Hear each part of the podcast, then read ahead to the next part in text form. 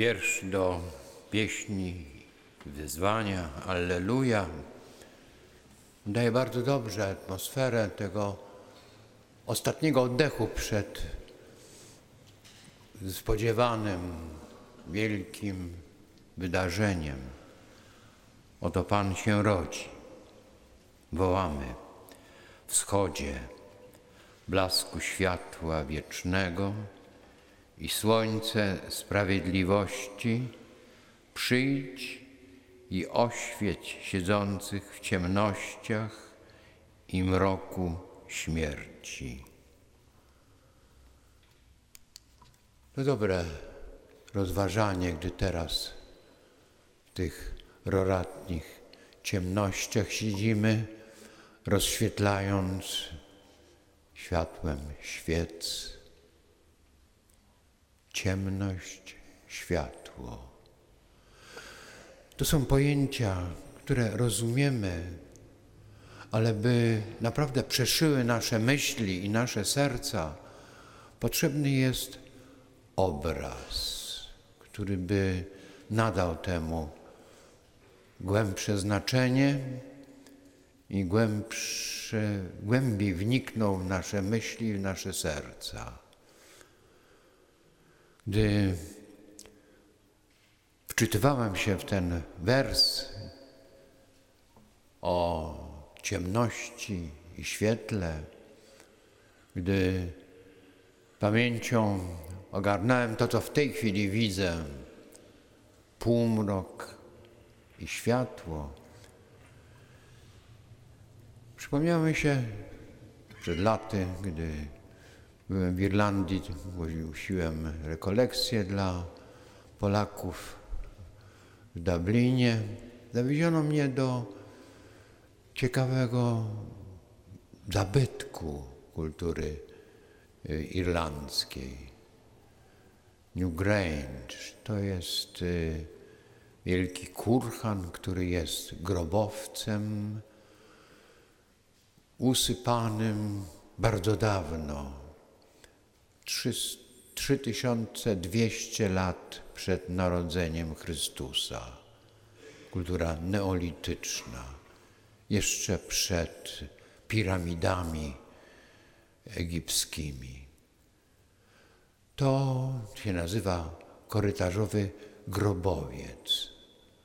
Pod usypanym kurhanem jest zamknięta jakby komnata, do której prowadzi długi na dwadzieścia kilka metrów korytarz.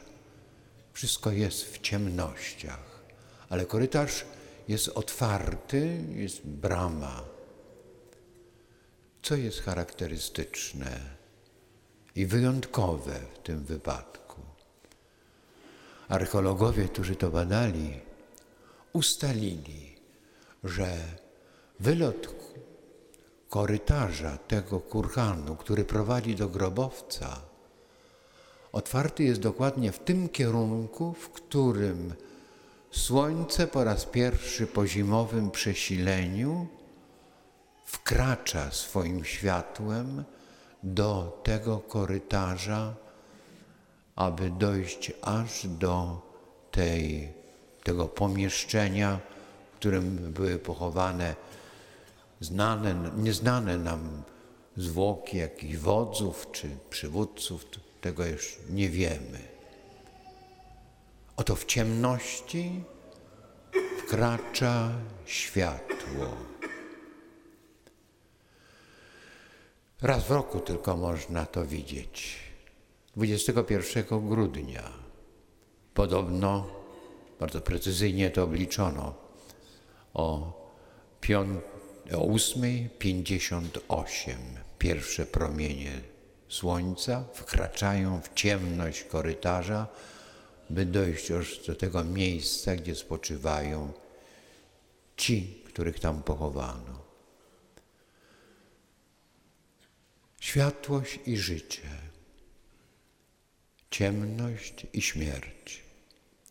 Przecież to są obrazy, którymi również i Pismo Święte przybliża nam i opowiada nam o dziele zbawienia.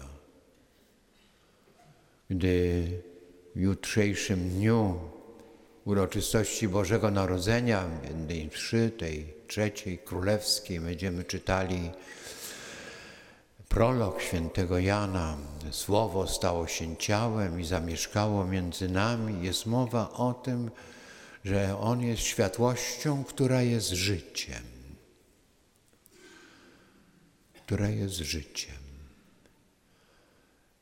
Jezus, Syn Boży, urodził się, by zamieszkać z nami, by ciemności rozświetlić swoim życiem, by dać światło pozwalające nam znaleźć drogę każdego z nas, która mu jest w życiu wskazana i dać mu nadzieję tego, że wyrwie się z tego mroku, który nas otacza.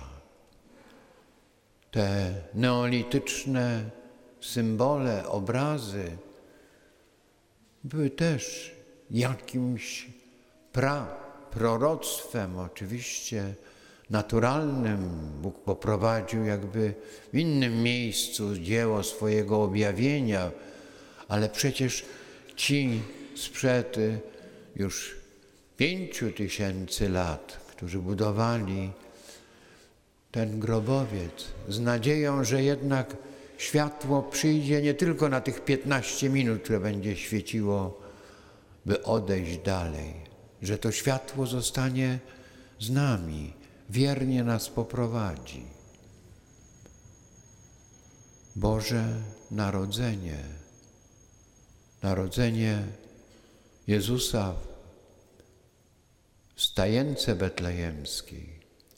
Jeżeli przez naszą duchową pracę i otwarcie się na łaskę otworzy nas na to nowe życie, możemy być pewni, że niezwyciężone słońce, które czczono także i w Rzymie po tym zimowym przesileniu, a które myśmy zrozumieli, że to niezwyciężone słońce to jest po prostu Jezus Chrystus, nasz Pan i Zbawiciel, że to światło pozostaje z nami, prowadzi i jest początkiem, wciąż ponawianym, początkiem nowego życia.